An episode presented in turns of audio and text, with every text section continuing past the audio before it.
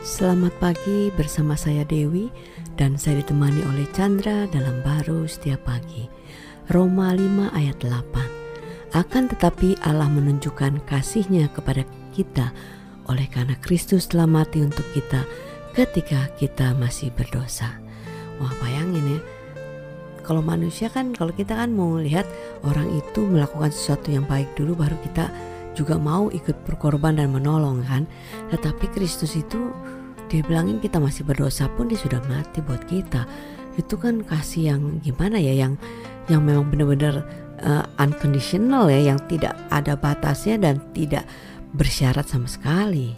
Iya, ini luar biasa ya banyak kan orang enggak uh, memahami bahwa Tuhan itu ya selalu tetap kasihnya ya dan sempurna ya dipikir berubah-berubah hmm. kalau lagi senang dia mengasihi ya, seseorang itu tapi kalau lagi orang itu uh, masalah uh, dia sudah siap-siap dengan rotannya yang memukul nah itu yang terjadi juga kan dengan Adam itu kan Adam hmm. itu jatuh dalam dosa dia berpikir Tuhan akan menghukum dia sebenarnya. betul Padahal Tuhan datang untuk menyelamatkan dia. Yes. Nah, yang di mana dia sudah tidak mampu keluar daripada ikatan dosa dan kematian itu. Hmm, nah, nah, itu itulah itu alaminya manusia sekarang ini kan ya.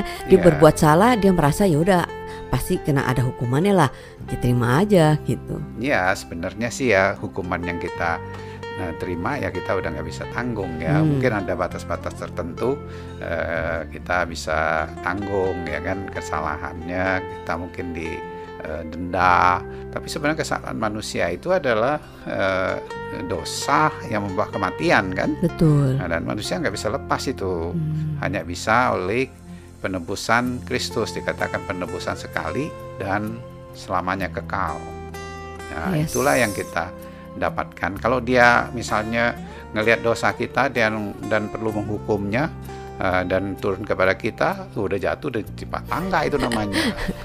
udah nggak udah nggak ada harapan lah istilahnya. Iya, dengan cara berpikir bahwa dia sangat amat mengasihi dengan kasih yang sempurna hmm. kepada kita, kita itu nggak mudah uh, terbawa oleh kesalahan kita dan terus e, meratapi kesalahan kita nggak bisa bangkit. Yes. Tapi karena kalau kita ngelihat kepada kasih dia, dia sudah tebus dan mempercayai. Itu ada kekuatan dari dalam kita. Bukan berarti kita setuju dengan kesalahan itu, tapi lebih bisa menyempurnakan. Wow. Sehingga seperti Kristus ya tentunya dia juga ingin kita mengekspresikan hidup itu. Hmm, sehingga ya kita tidak perlu berusaha untuk baik dulu, untuk tidak berdosa dulu, baru bisa uh, menerima kasihnya Tuhan ya. Tapi justru itu kita itu tidak bisa menikmati yang namanya kasih yang sempurna tanpa kita menerima uh, kasihnya Dia ya, bukan yeah. dibalik gitu ya. Iya, yeah.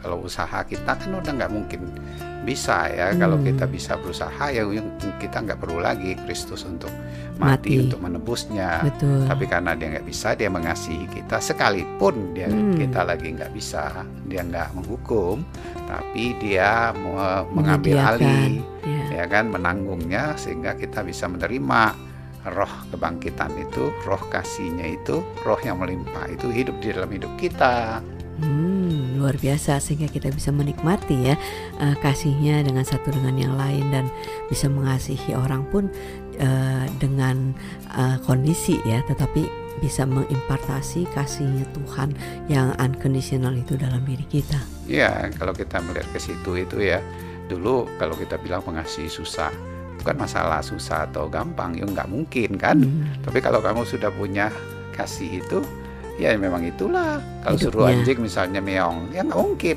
Tapi suruh kucing dia meong ya meong. Nah itulah kita yang sudah di dalam Kristus. Percaya aja bahwa kita sudah ditebus dengan kasihnya dia yang tinggal di dalam hidup kita. Dan sudah memiliki kasih Kristus yang tak bersyarat itu. Ya amin. Amin